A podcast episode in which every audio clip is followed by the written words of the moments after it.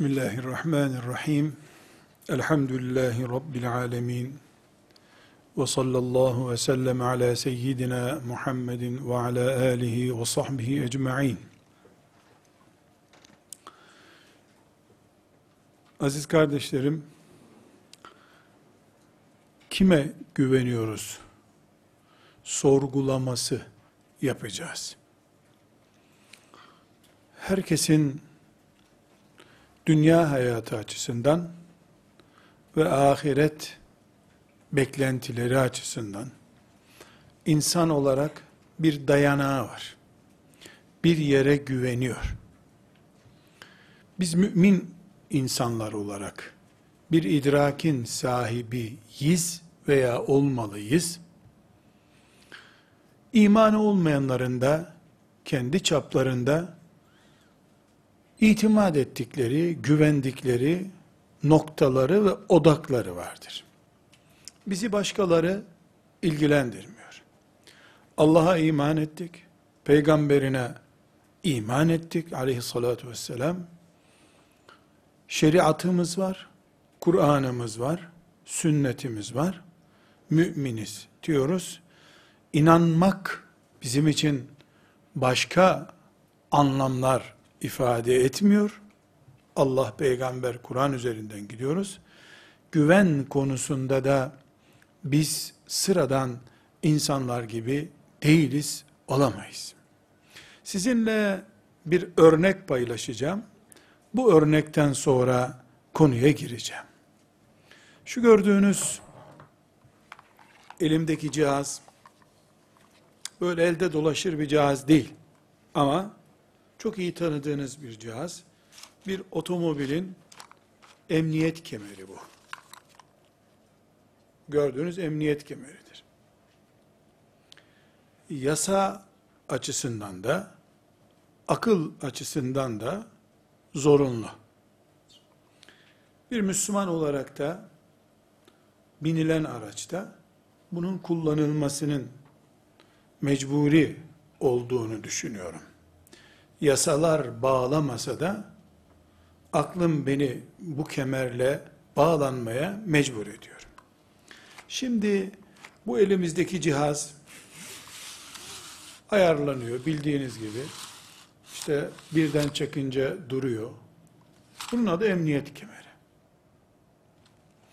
Bu ne kadar kurtarıyor hayat, ne kadar kurtarmıyor, böyle bir tartışma yapmamızın anlamı yok. İnsanoğlu icat ettiği bineklerde can güvenliği olarak bunu ancak icat edebilmiştir.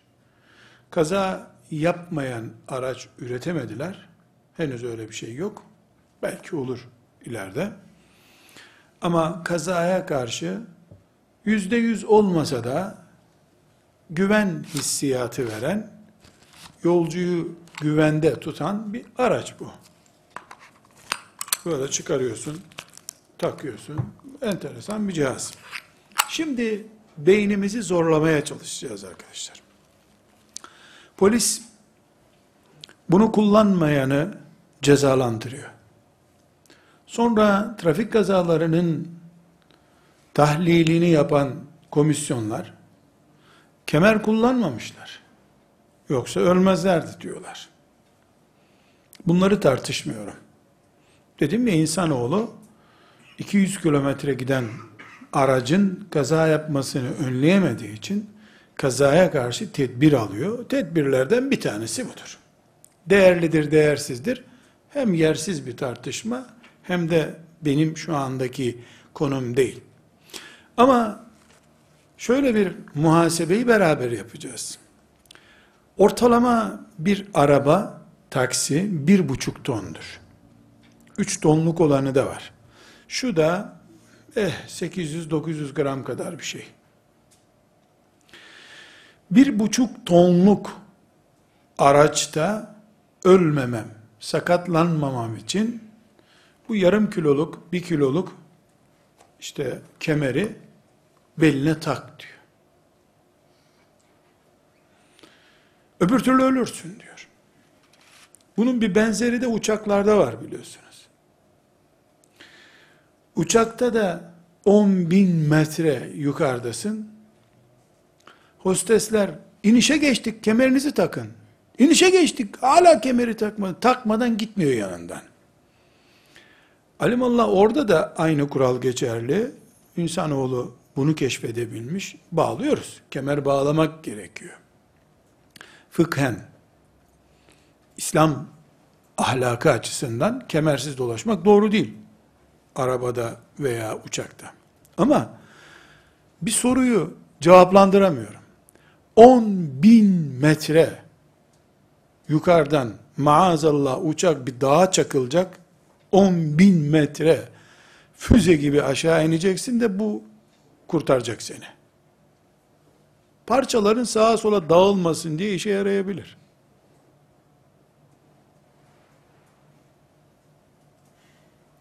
Müslüman olarak itiraz etmiyorum. Akıl olarak kemere de karşı çıkamıyorum. Ama 10 bin metreden aşağı düşen adamı boğmaya yardım eder herhalde.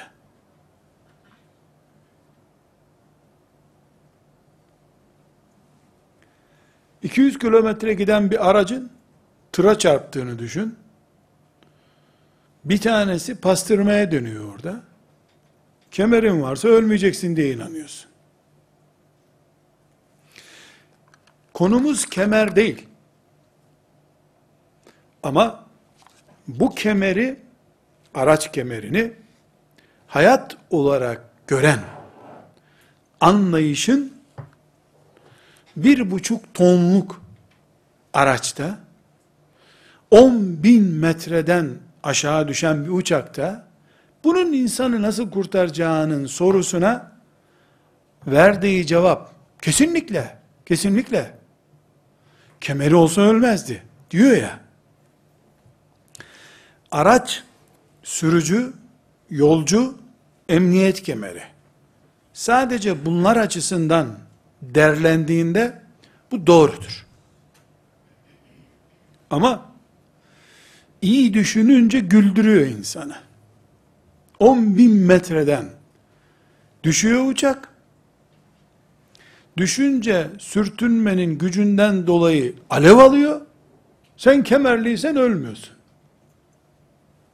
Böyle deyince de cevap ne deniyor? Evet bu ölümü önlemiyor ama bin ihtimalden bir tanesi kurtulursun işte diyor. Bin ihtimalden bir tanesi de olsa bir umut taşıttırıyor. Şimdi kardeşlerim, bir buçuk tonluk bir aracın içinde buna güveniyorum. Takıyorum. Oh be kemerde sağlammış diyoruz. Bunun açılmama ihtimali de var. Çünkü böyle hızlı çekersen açılmıyor. Yavaş çarparsan cama zaten kurtarmıyor seni. Yani bu seni kurtarsın diye cama hızlı vurman lazım. Mekanizma onun üzerine kurulu. Burada kardeşlerim, bu mantığı terazinin bir kefesine koyalım. Sol elimizde bunu tutalım.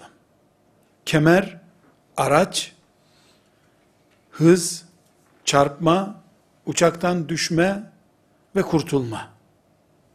Ve umut. Yani uçağa biletsiz binmek mümkün de kemeri bağlamadan binmek mümkün değil. Böyle bir kurallar koymuşlar. Yani biletin olmadığı anlaşılsa seni gene indirmezler uçaktan ama kemersiz sen in in bu uçaktan in diyorlar.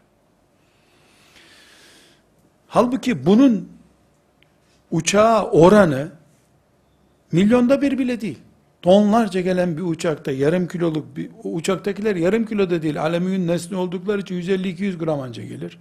O seni kurtarıyor diye inanılıyor. Burada duruyoruz. Sol elimizde araç kemeri var. Sağ elimize de Müslümanlığımızı koyuyoruz şimdi. Ben cılız bir insanım. 80 kilo, 90 kilo, 100 kiloyum. Allah'ın mülkünde katrilyonda bir bile değilim ağırlık hacim olarak. Yer, gök, su, deniz, taş, toprak, canlı ölü her şey Allah'ın. Oksijen de onun, su da onun. Ben de onunum. Bana hayat veren de o. Beni öldürmeyi murad ettiğinde öldüren de o.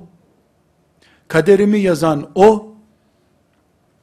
Bana din emreden o. Bana dostlar ve düşmanlar takdir eden o. Ben bir hiç bile değilim. Hiç bir şeydir gene. Ben hiç de değilim. O var ettiği için varım. Kendi kendime ihdas olmadım. Buna rağmen böyle bir mülk sahibi, böyle bir Allah'ın kulu olduğuma, üstelik de iman ettim. Meleklerim dedi onlara da iman ettim. Peygamberlerim dedi onlara da iman ettim.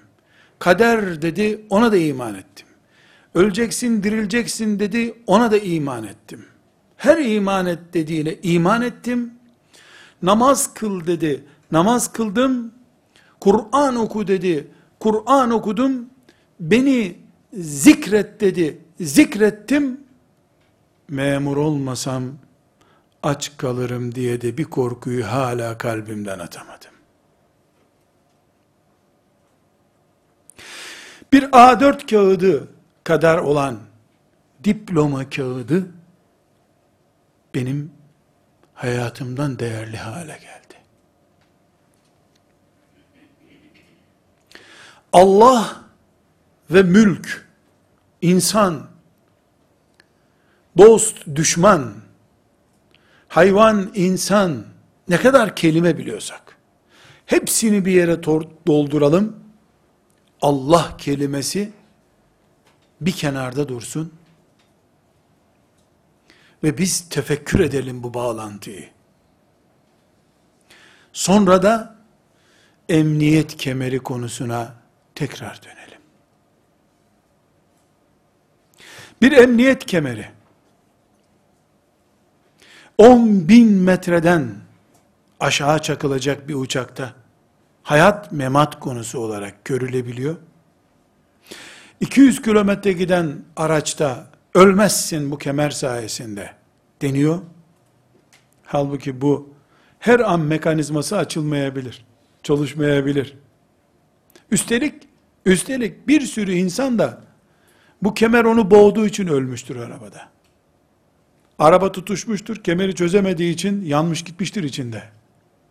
Bunun eksileri de var. Buna rağmen ümmeti Muhammed'den Allah diyenlerin Allah'a itimatları ve güvenleri bir yolcunun emniyet kemerine güveni kadar değilse pratikte, sözde herkeste var bu, iman konusunun masaya konması ve bütün müminlerin bunu yeniden neye nasıl iman ettik diye sorgulaması gerekir. Allah'a güvenimiz bizim ne kadardır sorusunu her birimiz açısından emeklinin emekliği hayatı, işçinin rızık endişesi, memurun filanca endişesi, gençlerin gelecek merakı vesaire. Herkes kendisi açısından Allah'a itimadımız ne kadardır sorusunu kendimiz imanımızla baş başa kalıp kovuşturmak zorundayız kardeşlerim. Bireysel olarak bir ama çok daha önemli bir açıdan dinimizin geleceği açısından. Emniyet kemeri kazayı önlüyor, ölümü önlüyor. Allah gönderdiği dini Siyonizmden kurtaramıyor bir türlü. Diye de vehmi imanlaştırıyoruz adeta. Bir delikanlı ben Rabbimin şeriatını öğreneyim dese geleceğini yaktı oluyor. Diploması olmayan bir yere yatırım yaptığı için. Bir alim Allah diyor ki diye başlasa zamanı mıydı? Yanlış söyledi. onu dememeliydi diye tenkit ediliyor. Allah'a iman tartışılmaz bir konu. Herkes en iyi imanın sahibi zaten. Diye söyleniyor da uygulamaya gelince insanlar eften püften denecek gerekçelerle aslında Allah'a güvenmediklerini de ispat ediyorlar. Bugün deistler, ateistler vesaireler Allah'a inanmıyor diye toplantı üstüne toplantı yapacak yere Allah'a inandığını söyleyenlerin ne kadar güvendiğini soruşturmamız gerekiyor. Kabe'nin etrafında tavaf ederken bile lebbeyk Allahümme lebbeyk diyen hacı insanın, mu'temir insanın Allah'a itimadı irdelendiğinde bir kendi bireysel menfaatleri geleceği açısından iki Allah'ın dini İslam ve o İslam'ın şeriatının geleceği açısından incelendiğinde bir sorunumuz var kardeşlerim. Bu sorunu çözmek zorundayız. Aksi takdirde eğer bu sorunu çözmezsek biz bir melekler konusu biraz sonra izah edeceğim. İki Allah hakkındaki düşüncelerimiz konusu. Üç kader konusu. Dört sabır konusu. Beş vahye iman konusu. Altı Esma-i Hüsna'ya ve Allah'ın sıfatlarına iman konusu tartışmalı hale gelir. Bu tartışmaları önleyebilmek için bizim Allah'a iman konusunu yeniden bu pencereden ele almamız lazım. İnanıyoruz. Altı şartını biliyoruz. Ramazanlarda hatimler indiriyoruz. Hatta internette, sosyal medyada din konusunda uzmanlaştık bile. Birbirimizin dinini, hatta ve hatta, kimin Müslüman, kimin tam Müslüman olmadığını bireyselleştirecek kadar, alimleri tenkit edecek kadar da kudretimiz oldu, ama Allah'a itimadımız var mı?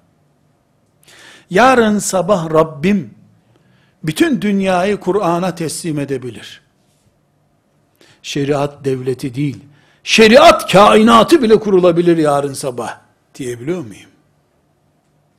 Yoksa henüz şartları oluşup oluşmadığının kararını kul olarak ben mi vereceğim? Ben mi şartları oluşmadı henüz olmaz diyeceğim. Yahudi mel'un Kudüs'ü terk eder mi etmez mi sorusuna çok zor derken bu sözün onu duyup kaydeden melekleri inciteceğini düşünüyor muyum, düşünmüyor muyum?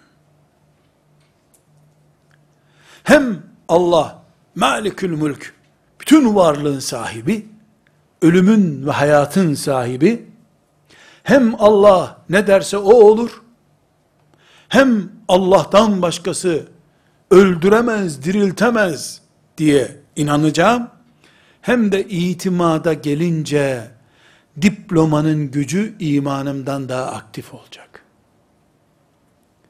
Hem patronun gazabı Allah'ın gazabından daha ağır gelecek bana.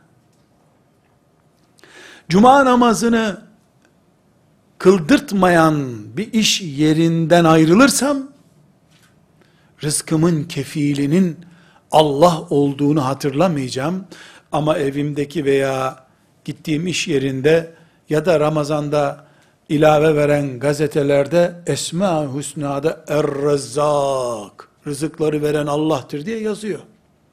Esma-ı Hüsna'da Er-Rezzak bizim iş yerinde yok. Çelişkidir bu. Bu çelişki varken Yahudi'ye lanet etmemizin de manası yoktur. Bu dünya başımızın üstünde bir değirmen taşı gibi niye dönüyor? Niye Allah kullarıyız da bize yardım etmiyor? Niye şeriatını getirmiyor Allah bize? niye Kur'an'ını hüküm olarak tatbik edemiyoruz sorularına cevap bulamayız. Kardeşlerim, umarım şu size gösterdiğim emniyet kemeriyle ve bu kemere bakan idrakimizle Allahu Teala'ya itimadımızı neden ve nasıl karşılaştırdığımı anlamışsınızdır. Şimdi biz emniyet kemeri çağındayız. Bu kemerin ve bunun kullanıldığı araçların olmadığı bir dünyada bir müminden örnek vereceğim. Müminlerin emiri Ömer bin Hattab radıyallahu anh'tan Ömer vereceğim. İmam Müslim rahmetullahi aleyh sahihinde Ömer bin Hattab radıyallahu anh'a ait bir cuma hutbesini naklediyor. Bu hutbe Ömer bin Hattab'ın radıyallahu anh son konuşmalarından biri. Hutbesinde çok enteresan bir ayrıntı var.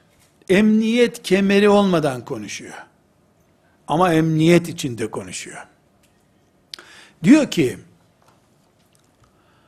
işte konuşmasına başlarken Resulullah'tan söz etmiş aleyhissalatü vesselam, öyle diyor İmam Müslim. Ebu Bekir'den söz etmiş. Sonra da demiş ki, arkadaşlarım, ben bir rüya gördüm. Rüyamda bir horoz üç defa kafama tak tak diye vurdu. Anladığım kadarıyla benim ecelim yaklaştı. Böyle bahsetmiş. Rüya görmüş, rüyasını anlatıyor.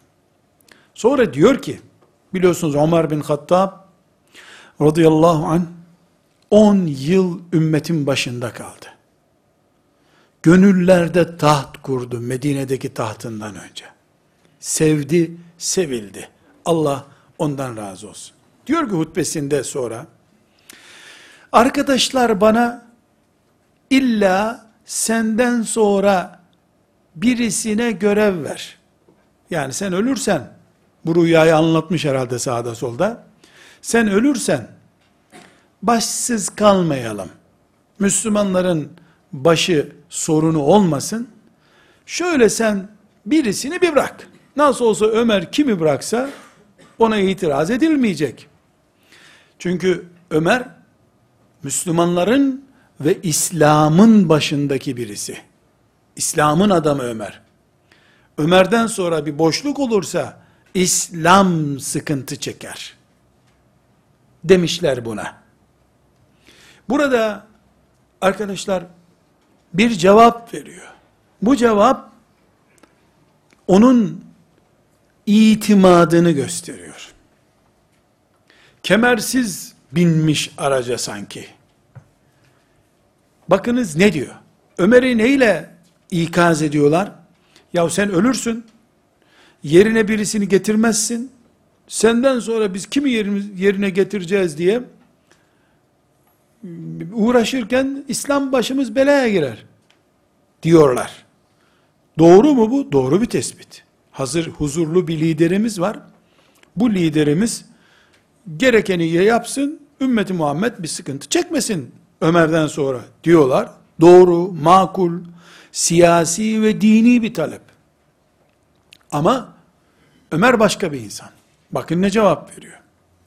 Diyor ki, bana yerime bir adam bırakmamı ısrarla söylüyor kardeşlerimiz. Ben hepinize diyorum ki arkadaşlar, Allah dinini boşluğa çıkarmaz. Halifelik İslam'ın halifeliğidir. O da Allah'ın işidir.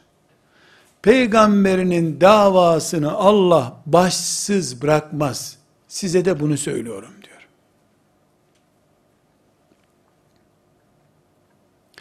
Eğer ben ölürsem, aşere-i mübeşşereden geriye kalan altı kişiye devrettim bu işi. Onlar aralarında seçsinler diyor. Emniyet kemeriyle bağ nerede kurduk arkadaşlar? Bakın bu bağ nerede kuruluyor?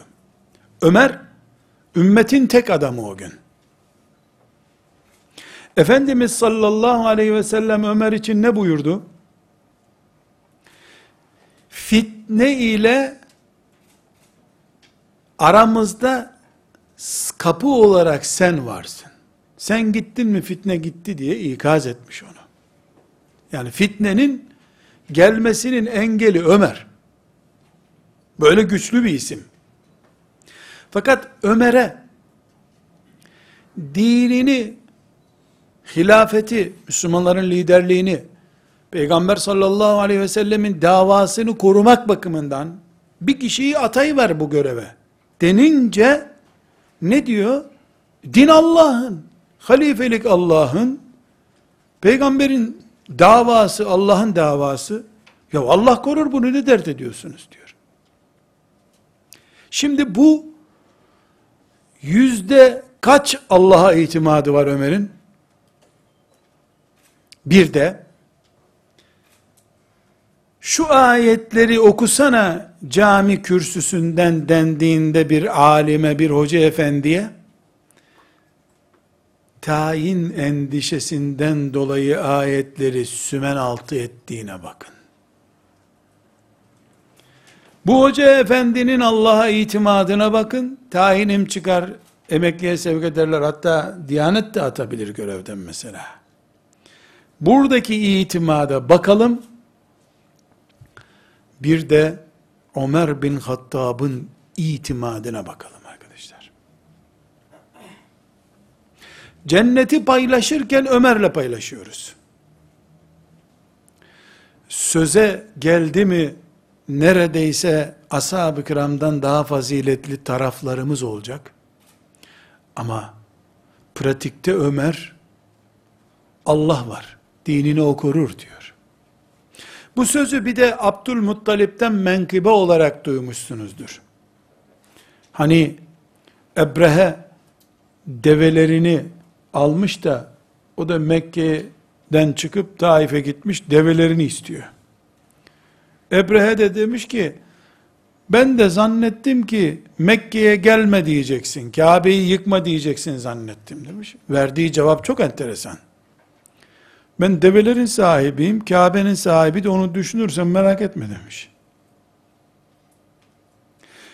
Ömer'e ümmetin işte kurtuluşu için birisini tayin et dendiğinde verdiği cevap ne? Bu ümmet Allah'ın kulları. Din Allah'ın. Dava Allah'ın davası. Burada bir rahatlık var. Ne rahatlığı o? Allah'a itimat rahatlığı. Bugün biz Allah'a itimat konusunda sıkıntılıyız. İmanda demiyorum. O büyük bir iddia ve ağır bir itham olur. Ama Allah'a itimat konusunda sıkıntı yaşıyoruz. Bir olayı zikretmem gerekiyor. İyi bir ibret. Bir gün İstanbul'da bir yağmur duasına gidiyorduk.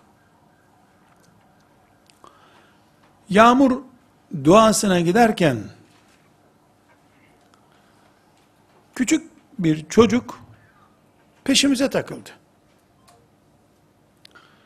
Biz de heyet olarak bu çocuğu orada kollayamayız. Başımıza bela olur. Kaybederiz çocuğu. Sen dur gelme dedik. Siz nereye gidiyorsunuz dedi. 3-4 yaşlarında bir çocuk. E biz yağmur duasına gidiyoruz dedi. E nereye gidiyorsunuz yağmur duası? Filan yere gidiyoruz.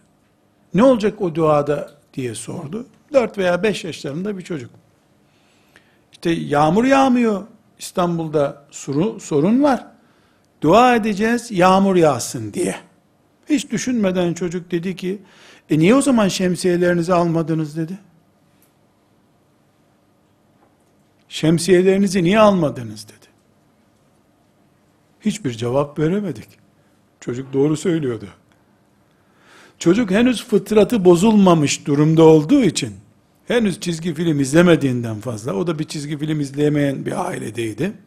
Çizgi film bilmediği için, böceklerin nasıl uçup kaçtığını, uçak düşürdüğünü filan görmediği için, dua edersen Allah sen dönmeden yağdırır, yağdırınca da senin şemsiyen yok ıslanırsın diye düşünüyordu.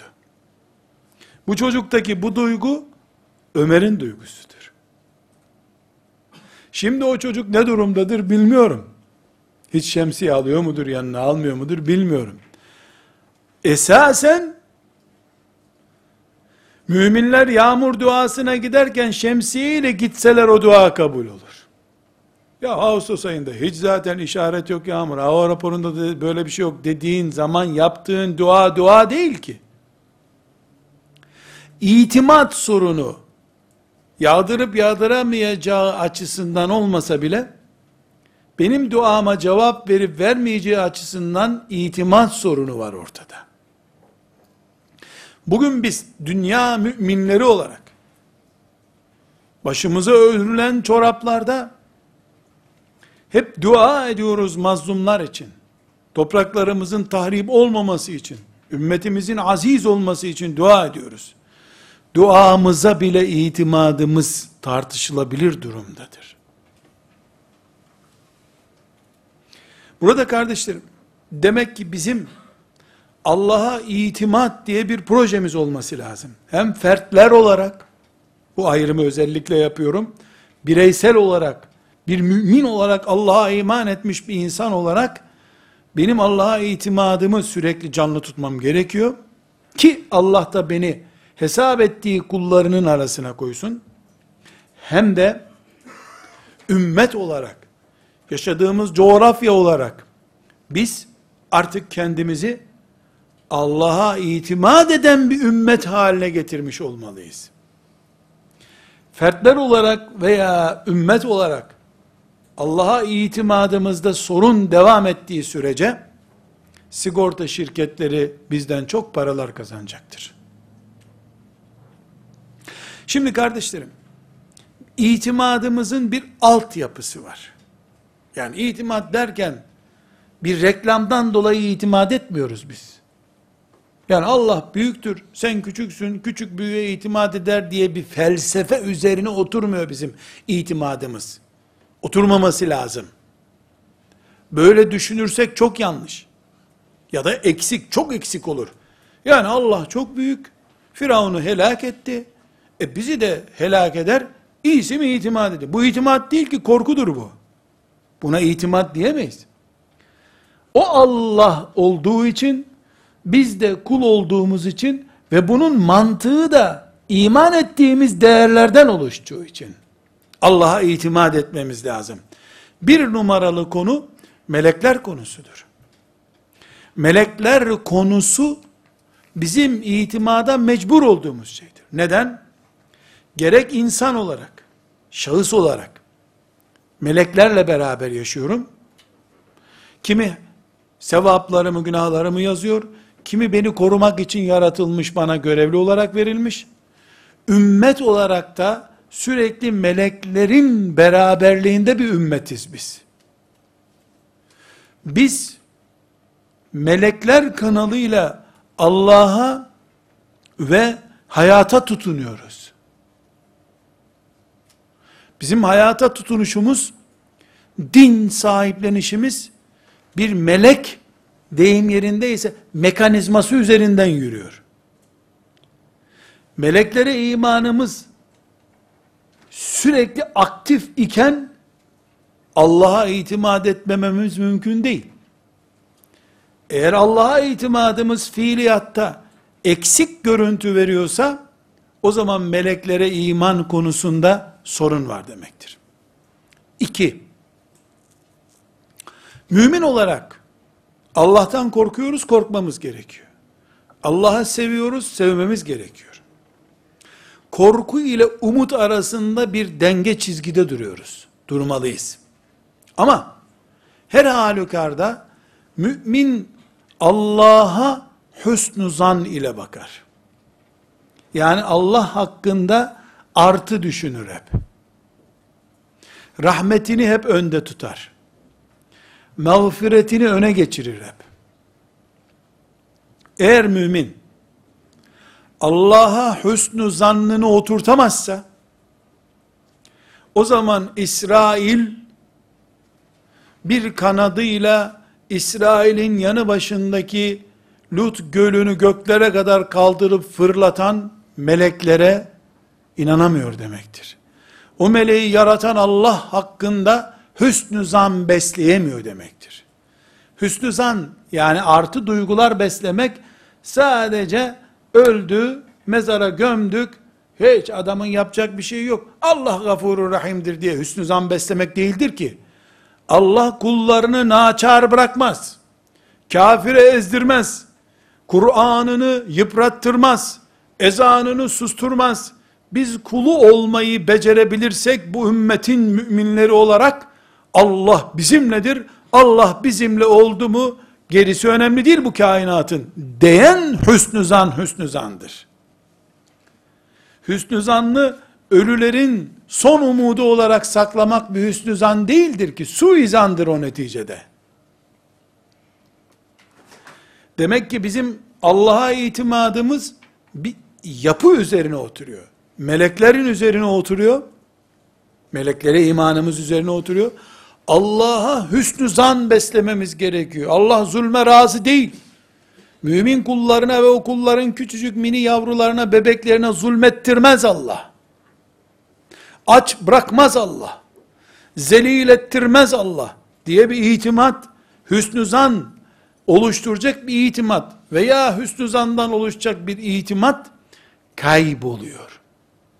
Her şey sigorta şirketine, sosyal güvenlik sistemine, doktorların yazdığı reçetelere, babandan kalan mirasa, arkadaşlar olarak çeteleşebilirsen, dernekleşebilirsen, vakıflaşabilirsen, kurumsallaşabilirsen ona, sendikaya vesaire, hep bizden üreyen, bizim kağıdımız ve kalemimizin oluşturduğu değerler üzerine itimat ederken, Allah, bizim hüsnü zan ile baktığımız Rabbimiz değil, ateşinden söz edilince korktuğumuz bir Allah haline gelir o zaman. Halbuki hüsnü zanlı müminin, yani Allah hakkında iyi düşünmesi, ölürken de, yaşarken de en önemli bakış tarzıdır. Tıpkı o çocuğun şemsiyenizi niye yanınıza almadınız dediği gibi bir olaydır bu. Çünkü Allah isteyince yağmur verir. Daha söze başlarken ben kim dua etmek kim diye güya bir tevazuyla başlamak şeytana destektir. Üçüncü nokta kadere imanımızdır. Kadere sözle iman edip sonradaki dünya olaylarını müminlerin etrafındaki işkenceleri veya tuzakları müminlerin önündeki barikatları gördüğünde sanki Allah'ın kaderinde olmayan birdenbire ortaya çıkmış bir komployla karşılaştık zannediyoruz. Komployla biz karşılaştık. Allah kimsenin ona komplo yapmasına izin vermez ki. O komployu yapmayı da Allah izin verdiği için kafir yapmıştır zaten. Kadere imanımız ne kadar Allah'a itimat ettiğimizin simgesidir. Dördüncü noktamız kardeşler, dedik ki Allah'a itimat bir sistemin üzerinde oturuyor. O sistem bozulunca Allah'a itimatta sorun var. Ömer bu saydığımız şeylerde meleklere imanda, Allah'a hüsnü zannında, kadere imanında ve sayacağımız şeylerde Ömer, o Ömer olduğu için ya bu din gider elden birisini tayin et reis olsun dendiğinde Allah'ın dini bu ne merak ediyorsunuz? Allah peygamberinin davasını yalnız bırakar mı demeyi becermiştir. Halbuki biz bu sistemde sıkıntı yaşadığımız için, içini dolduramadığımız için bunun kendi çocuğumuza da güvenmiyoruz, yetiştirdiğimiz talebeye de güvenmiyoruz, seçtiğimiz, beğendiğimiz siyasetçiye de güvenmiyoruz. Kimse, paradan başka kimseye güvenmiyor. Koltuktan başka güçlü bir kimse yok. Koltuğu olan güçlü, koltuğunu kaybedince de maymuna çevriliyor. Neden? Asıl itimat etmemiz gereken Allah'ı ve şeriatını bir miktar hayatımızdan uzak tuttuğumuz için başımıza bunlar geldi. Dördüncü nokta, biz iman ediyoruz ki, hayatı cennetleştiren sabırdır. İnnemâ yuvaffas sabirûne ecrahum bi gayri hisab. Dolu dolu sınırsız karşılıklar ancak sabreden kullar içindir. Nuh aleyhisselam 950 sene bekledi. Bekleyenler, sabredenler, üzerine düşeni yaparak elbette. Bekleyenler, sabrın içini dolduranlar karşılarında güvendikleri bir Allah bulurlar. Akşamdan sabaha kadar sabretmeye tahammülü olmayan, bir yılın başından sonuna kadar bile Allah'ın kaderinin tecelli etmesini beklemeye sabrı olmayanlar, yeri gelip dinden çıkmayı bile düşünebilirler. Maazallah. Biricik rahmeten lil alemin olarak yarattığı peygamberinin bile şöyle güzel bir veda konuşması yapması için 23 yıl beklemesini murad etti Allah. 23 dakikada internetten sonuç toplamaya kalkması insanın, insan nesilleri üzerinde, yani böyle olsun, bu neslin hepsi şeriatçı olsun, 15 dakika içinde de gerçekleştirelim bunu diye, internetten, bilgisayar yardımıyla nesil yetiştireceğini zannedenler, sabrın mantığını bilmiyorlar. Hayatı, cennete doğru giden bir yol haline getiren sabırdır. Cennete girenlere Allah ne diyor? Girdiniz, hoş geldiniz. Niye? Bima sabartum. Sabredenlerden olduğunuz için. Sabredenlere ancak Allah'ın vaadi vardır. Sabır bir günlük, iki günlük değil. Doğumdan ölüme kadar Allah'ı beklemektir. Ve Allah'ın kaderinin tecellisini beklemektir. Bu dünya asla ters dönmüyor. Tam yerinde dönüyor dünya. Vaktinde zamanında dönüyor. Biz de Allah'ın murad ettiği bir zamanda geldik nesil olarak. İsrail'de Allah'ın murad ettiği zamanda orada kuruldu. Bütün şer güçler Allah'ın murad ettiği vakit, zaman ve yerde oluştular. İblis gibi. İblis de Allah'ın muradı ve dilemesiyle ortaya çıktı. Bunu bildiğimiz halde çalışıp çapalamayı artırmamız gerekirken mızmızlanmayı artırmamız itimat sorunundan kaynaklanıyor. Ya kaderde bir sorun var, kadere imanımızda, ya da kaderin tecellisini bekleyecek sabır anlayışımızda sorun var. Biz adeta ümmet olarak bu sabır noktasını yakalayamadığımızda, dün doğan çocuğunun bugün 20 yaşına gelmesini isteyen anneye benziyoruz. Allah bu ümmeti mesela o bilir ya aslını misal olsun diye söylüyoruz. 5000 yıl üzerine peygamberini gönderdikten 5000 yıl sonra kainat dini haline getirmek murad etmiştir. Kim bilir? Belki 10 bin yıl. Biz 1400 sene sonrasında geldik. Hala dersek eğer Hala kime göre diyoruz? Kime göre hala niye İslam hakim olmadı diyoruz ki? Bizim beklentilerimize göre mi? Allah'ın yazıp çizdiği kaderine göre mi? Demek ki sabır birey olarak da Allah'a itimadımızda set oluşturuyor. Ümmet olarak da sabretmeyi beceremeyişimiz Adeta dün doğmuş çocuk, bugün sakalları çıkmadı hala, dün, dün doğdu bu çocuk ya. Niye sakalı büyümüyor bunun? Bıyıkları nerede bu çocuğun? Dün doğmuştu.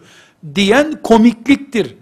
İnsanların Kudüs'ü 50. senesi oldu hala Yahudi'den almadık. Niye? Bu acele kime göre?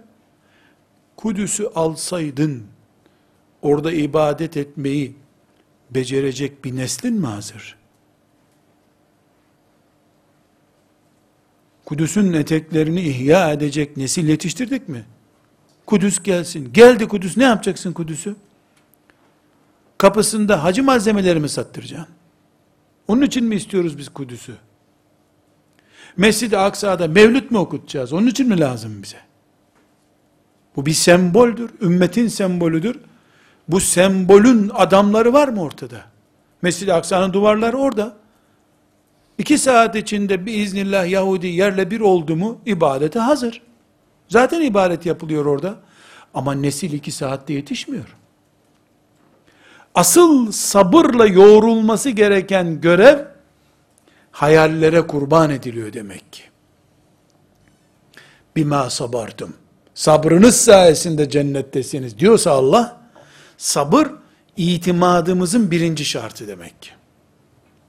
Ve beşinci başlığımız kardeşler, vahiy ne anlama geliyor bizim için?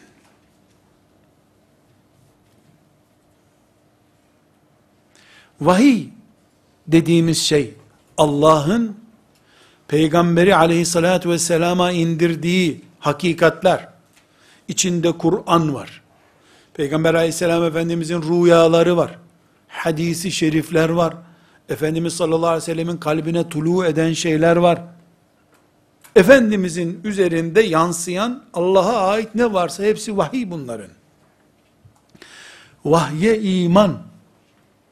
Elimize bakıp bu beş parmaklı el benimdir. Bak beynim çek deyince çekiyorum diye elimi gördüğüm gibi vahyi göremediğimiz sürece Resulullah sallallahu aleyhi ve sellemin haberleri bize verdiği bilgiler Kur'an'ımız başta olmak üzere hadisi şerifler onun gördüğü rüyalar onun zihninde oluşan tuluat, her neyse, vahiy dediğimiz şeyler, eğer bizim için kendi elimizden daha iyi gördüğümüz, tasdik ettiğimiz şeyler değilse Allah'a nasıl itimat edeceğiz ki biz? İtimat diye bir konserve çeşidi yok çünkü. Vahyi üzerinden Allah'a itimat edeceğiz.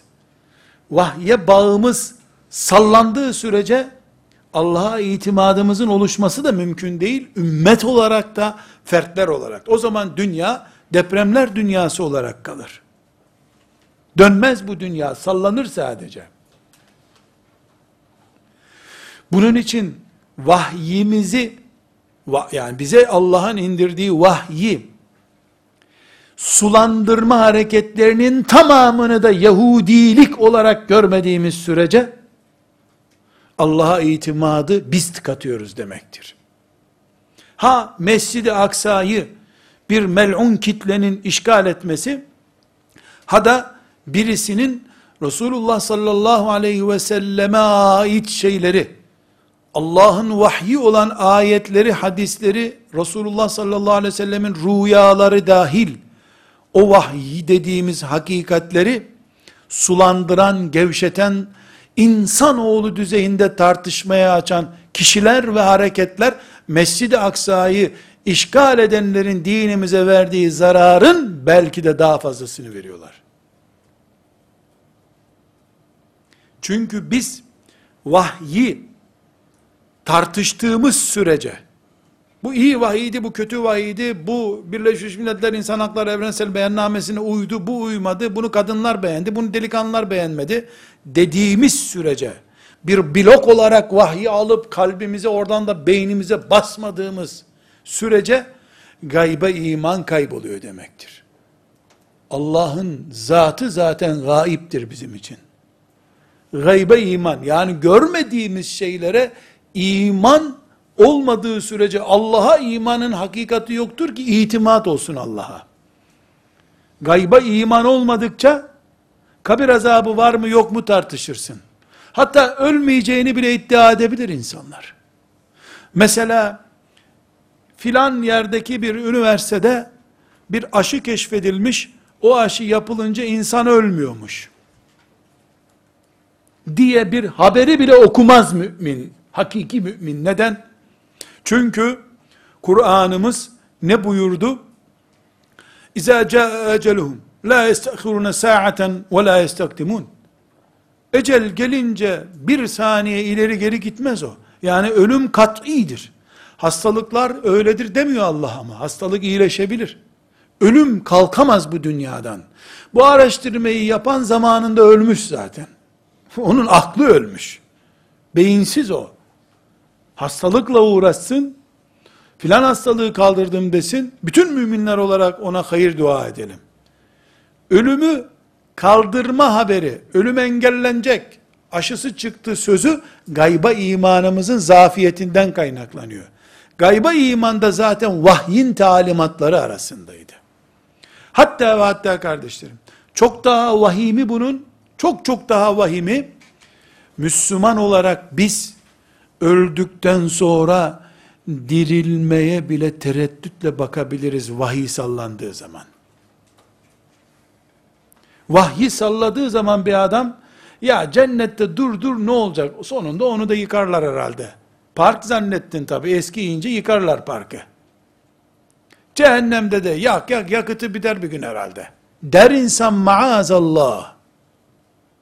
Bunun için beşinci korunması gereken değerimiz ki Allah'a itimadımız olsun vahiydir. Vahiy bizim adımız soyadımız bile değildir. Varlığımızdır. Vahiy kadar Müslümanız biz. Vahye itimadımız kadar Allah'a itimat edebiliriz. Vahyin yeri oynadığı zaman beyinlerimizde çöktük demektir. Bunun için üç asırdan beri kafirler iman etmek isteme, etmeye niyetleri olmadığı halde Müslümanların çocuklarını alıp İngiltere'de, Fransa'da, Hollanda'da, Amerika'da hoca yetiştirdiler. Hadis öğrettiler onlara. Kelam ilmi öğrettiler. İslam tarihi okuttular. Adı oryantalizm olur. istişrak olur. Ne adı ne olursa olsun. Öğrettiler. Onlar geldiklerinde de ilk işleri bilerek veya bilmeyerek, bilmeyerek olduğuna inanmak istiyorum. Vahyin ağırlığıyla oynamak oldu. İlk oynadıkları nedir biliyor musunuz? Bazı içerideki cahil Müslümanların da desteğiyle ilk İslam aleminde 1900'lü yıllarda ürettikleri slogan Ebu Hureyre'nin her şeyi kafadan uydurduğu bilgisidir. Halbuki Ebu Hureyre radıyallahu an 5000'e yakın hadisi bize aktaran bir sahabi olarak onu çektiğiniz zaman başta namaz olmak üzere hiçbir şey kalmıyor İslam'da. Her şey sallanıyor. Ama bazı Müslümanlar ya hakikaten bu Ebu Hureyre ben beş cümle aklımda kalmıyor da beş bin hadis nasıl aklımda kalmış deyiverdiler. Akıbetini anlamadılar bunun. Kendi imanları, kendi müminlikleri ümmeti Muhammed'in de prestijiyle oynadılar fark edemediler bunu. Bunun için vahiy ve vahyin içeriğini oluşturan şeyler müminlerin iftar sofrasına gündem olamaz. İftarı etle kebapla yapalım, vahiy ile yapmayalım. 1400 senedir oruçluyuz biz. 1400 senedir Resulullah dedik. Aleyhissalatü vesselam. Ashab dedik. Kur'an dedik. Sünnet dedik. Şimdi onlarla çatalımızı batırıp oynamaya kalktığımızda elimizdeki din gider. Giderken de Allah'a itimadımız gider. Allah'a itimat etmedikten sonra onun da bize minneti yok ki zaten. Allah mı bize yalvaracaktı? Celle Celaluhu. Ve altıncı başlığımız kardeşler.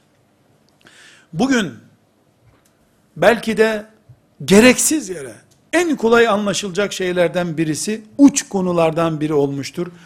Esma-i Hüsna konusu. Başımıza gelen bunca musibetlerle ilgili yorum yaparken Allah'ın allamul guyub el alim el alim el semi' el basir el karib el latif el malik bu isimler Allah'ın isimleri ne demek esma-i hüsna Allah'ın en güzel isimleri son senelerde de bir şey yayıldı, çocuklara ezberlettiriliyor bu. 99 Esma-i Hüsna'yı okuyana bisiklet alınıyor. Esma-i Hüsna, ezberlenmek için değil, süt olarak emilmek içindir. Süt olarak emilir, Esma-i Hüsna o kemik olur, diş olur, tırnak olur, et olur, kılcal damar olur. Müminin bünyesinde. İnternetten gizli görüşmeleri sildin. Hani semi' ve basir olan Allah, gören, duyan. Çocuk sakat doğdu, özürlü doğdu. Hani Allah latifti, rahimdi, rauftu. Filan süper güç filan İslam toprağını işgal etmişti. Oraya adam el koydu. Hani Malik Allah'tı. Malikül mülktü Allah hani. Esma Hüsna'yı ders olarak yapmak çok kolay arkadaşlar. 99 kelime bu. Bilemedin 99 günde adam bunun profesörü olur. Esma Hüsna ile yetişen Enes İbni Malik yapmak zor insana.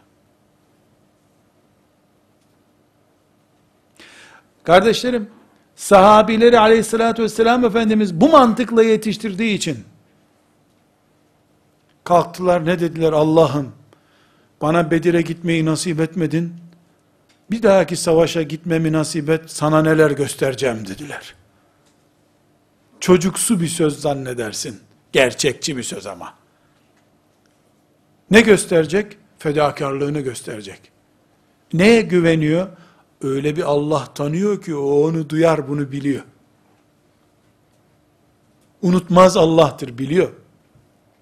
Mesela kardeşlerim Kur'an'ımız buyuruyor ki Allahu veliyyüllezine amenu. Allah iman edenlerin velisidir. Allah Teala'nın isimlerinden birisi de El-Veli'dir. El-Veli. Veli sahip demek.